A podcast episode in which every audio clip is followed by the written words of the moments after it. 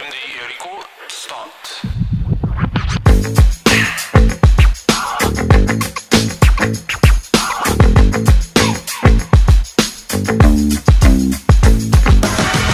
This is Walkie Talkie Podcast. Assalamualaikum warahmatullahi wabarakatuh. Shalom, Om Swastiastu, Namo Buddhaya, dan salam kebajikan. Halo semuanya, welcome to Seputar Doi. Salam kenal, aku Aziza yang akan membawakan podcast kali ini.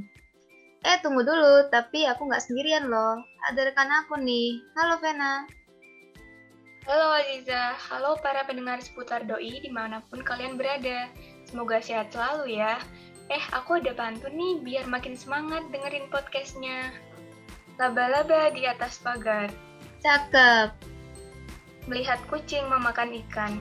Halo semua para pendengar, semoga harimu menyenangkan. Cakep. Kita langsung aja kali ya Zah. Kita mau bahas apa sih hari ini? Seperti biasa di podcast seputar doi akan berisi review buku yang kali ini akan dipaparkan oleh Ibu Alfi Mufliha Lestari SEME.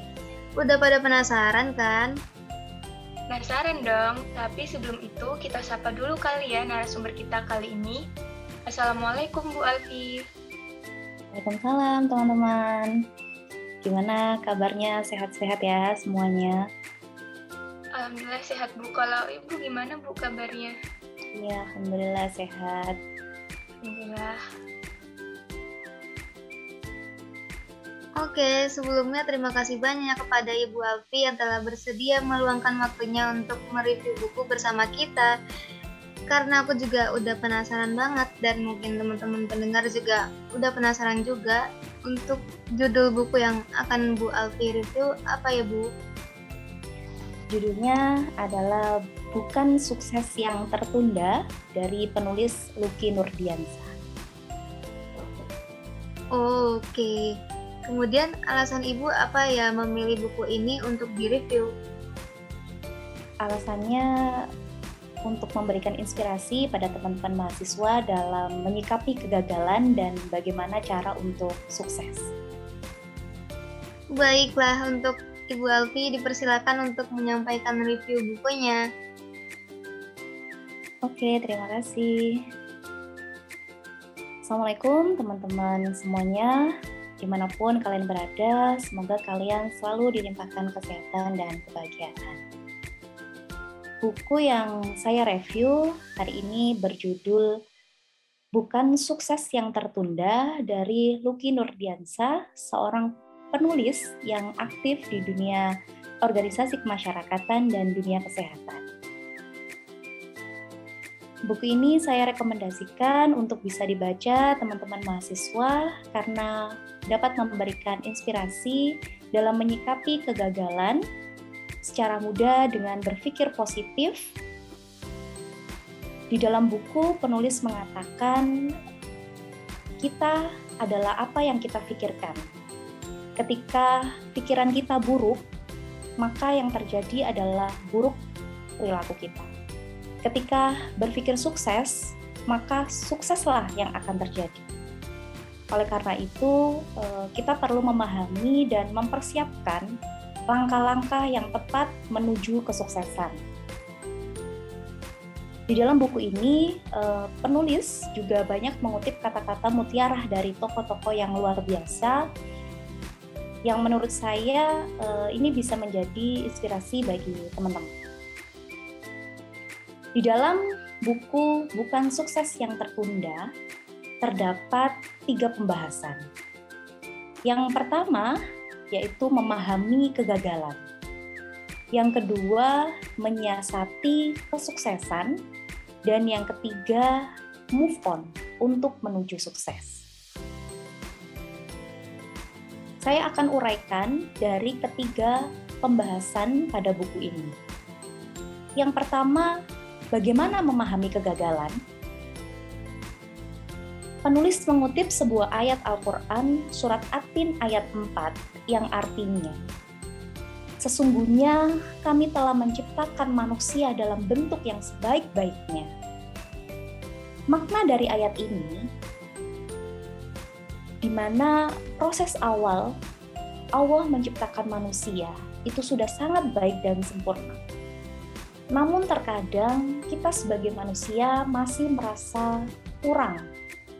Merasa kurang sempurna secara fisik, akal. Maka kita harus menyadari bahwa kita ini sempurna. Kita harus senantiasa bersyukur dengan bentuk kita, dengan potensi kita yang luar biasa, yang kita miliki. Dan pastinya kita tidak boleh takut akan kegagalan dalam proses menjalani kehidupan ini. Penulis mengatakan bahwa untuk menggapai suatu hasil dibutuhkan proses yang tidak mudah. Salah satu proses hidup yang dilalui oleh manusia adalah kegagalan. Apa sih hakikat dari kegagalan itu? Ada lima hakikat kegagalan yang dijelaskan oleh penulis. Yang pertama, dia yang tidak berusaha bangun setelah jatuh. Yang kedua, tidak berani melangkah. Yang ketiga, selalu menyalahkan orang lain dan lingkungannya. Yang keempat, terkekang oleh pikiran negatifnya. Dan kelima, tidak belajar dari pengalamannya. Dari kelima hakikat kegagalan itu, kita harus sadar apabila saat ini kita dalam kondisi gagal, jatuh, entah apa pun ya, merasa lelah sama semua tugas-tugas, dituntut untuk ini itu, maka cari jalan untuk bangkit, terima dengan ikhlas, segera melangkah dan kerjakanlah. Penulis mengutip kata dari Gus Dur yang mengatakan, menyesali nasib tidak akan mengubah keadaan. Terus berkarya dan bekerjalah yang membuat kita berharga. Maka teman-teman, lakukan yang menurut kalian benar. Dan hargai perbedaan orang lain ya. Kemudian melebur dengan lingkungan sekitar kalian supaya pikiran kalian positif dan apa yang kalian lakukan menjadi mudah. Selain itu, kita perlu memberikan makna baru juga ketika setelah gagal. Optimis, penuh semangat, realistis dengan apa yang ada, dan berkarya sehingga hidup menjadi berharga. Selain itu, dalam memahami hakikat kegagalan, penulis mengutip kata dari Thomas Alva Edison yang mengatakan jenius itu satu persen inspirasi dan 99% adalah krim. Maka aku tidak gagal, hanya saja aku menemukan 10.000 jalan yang ternyata tidak bekerja. Untuk menemukan sebuah penemuan, Thomas menolak disebut gagal meski harus melakukan uji coba hingga 9.955 kali percobaan. Oleh karena itu, yang terpenting teman-teman bagi kita adalah lakukan apa yang mau kita lakukan. Nikmati semua prosesnya dan yakin pasti kita temukan hasil terbaik. Karena keberhasilan hanyalah milik mereka yang mencoba dan berusaha. Dalam memahami kegagalan, menurut Bilal Phillips, beliau mengatakan pada saat kamu sukses, kamu mendapatkan sesuatu. Pada saat kamu gagal, kamu belajar tentang sesuatu. Maka, kita perlu kedua hal tersebut. Sejatinya, teman-teman, setiap kegagalan atau keberhasilan yang kita alami dalam hidup kita harus bisa kita hadapi dengan baik dan benar, sehingga hidup kita menjadi sukses.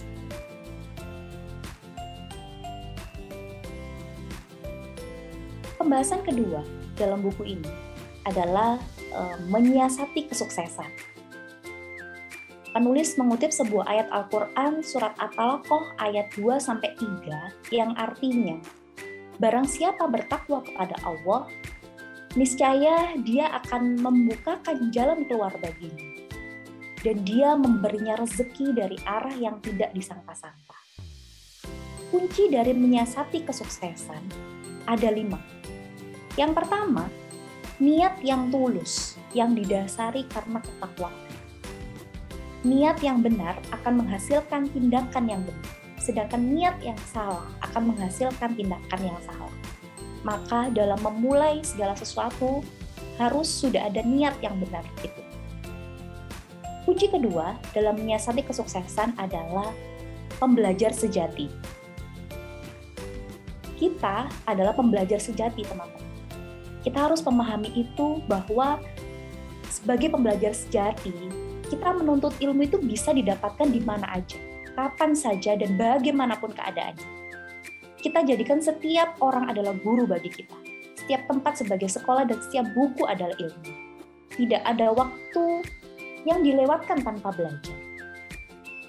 Penulis mengutip kata dari Imam Syafi'i yang mengatakan, Barang siapa belum merasakan pahitnya belajar walau sebentar, maka akan merasakan hinanya kebodohan sepanjang hidup. Maka penting teman-teman bagi kita untuk selalu menjadi pembelajar sejati. Kunci ketiga adalah temukan passion kalian. Passion menurut penulis adalah perasaan atau emosi kalian apabila melakukan kegiatan itu sangat antusias, bersemangat dan melakukan tanpa ada keluh kesah bagaimana menentukan passion, bagaimana menemukan passion dalam aktivitas kita sehari-hari. Menurut penulis, passion itu ibarat api yang berkobar dalam dada. Dengan passion, orang akan tergerak melakukan sesuatu untuk menciptakan hidup dengan hal-hal yang dia sukai. Ungkapan dari penulis mengatakan, eh, jika kita ingin bahagia sehari, maka cukup liburan, dapatkan liburan jika ingin bahagia seminggu, dapatkan warisan.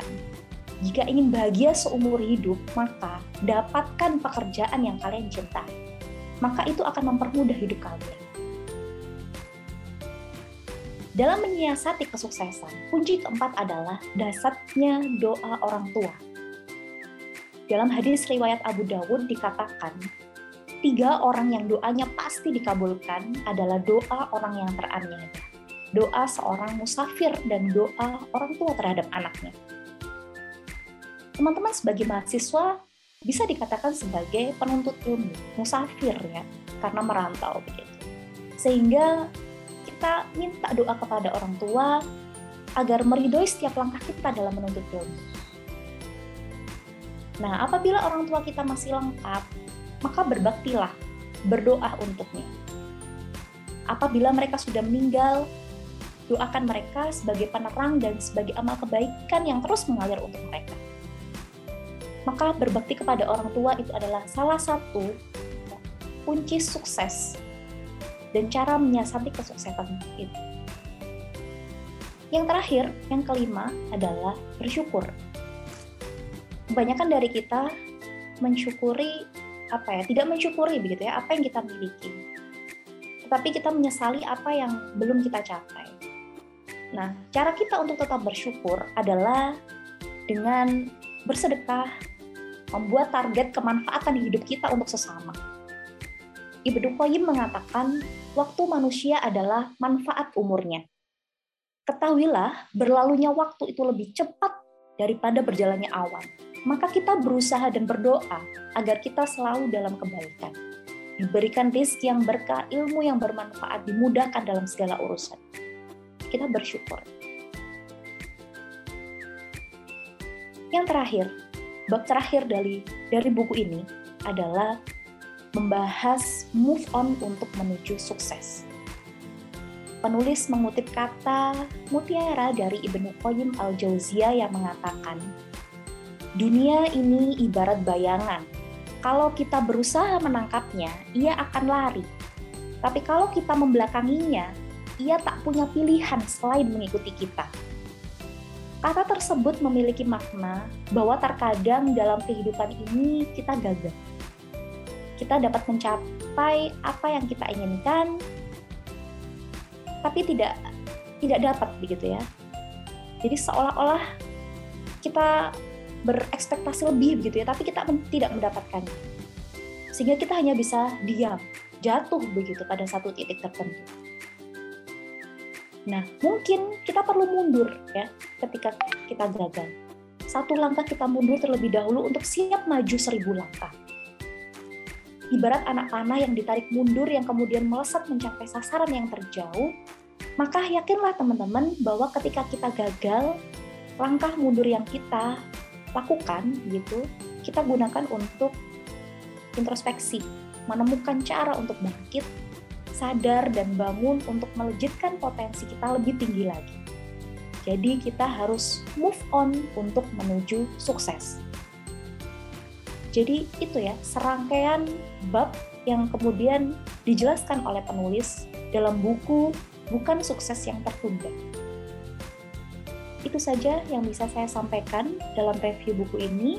Semoga bermanfaat dan saya mohon maaf apabila terdapat kekurangan dalam penyampaiannya. Sekian dari saya. Terima kasih. Saya kembalikan kepada teman-teman. Nah, itu tadi teman-teman review buku yang berjudul Bukan Sukses Yang Tertunda yang dipaparkan oleh Ibu Alfi dengan sangat luar biasa. Ibu Alfi tadi menjelaskan uh, tentang tiga pembahasan, yaitu memahami kegagalan, yang kedua menyiasati kesuksesan, dan yang ketiga move on untuk menuju sukses. Untuk menggapai suatu hal, ada proses yang tidak mudah, dan juga jangan berpikir negatif, karena pikiran itu mempengaruhi sebagian besar kehidupan kita. Baik, tanpa terasa nih, kita sudah berada di penghujung podcast. Kami sampaikan terima kasih banyak kepada Ibu Alfi yang telah meluangkan waktunya untuk hadir bersama kita, mereview buku untuk membagikan ilmu pengetahuan kepada para pendengar podcast seputar doi. Semoga apa yang Ibu Alfi sampaikan dapat bermanfaat bagi teman-teman ilmu ekonomi.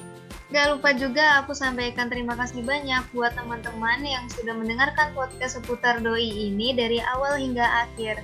Aku Aziza dan aku Vena. Pamit undur diri, sampai jumpa di podcast selanjutnya. Wassalamualaikum warahmatullahi wabarakatuh. Salam seputar doi.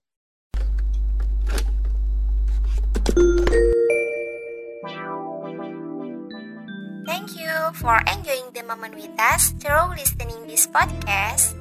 And also tap our other episode and share it term it. See you guys in another episode.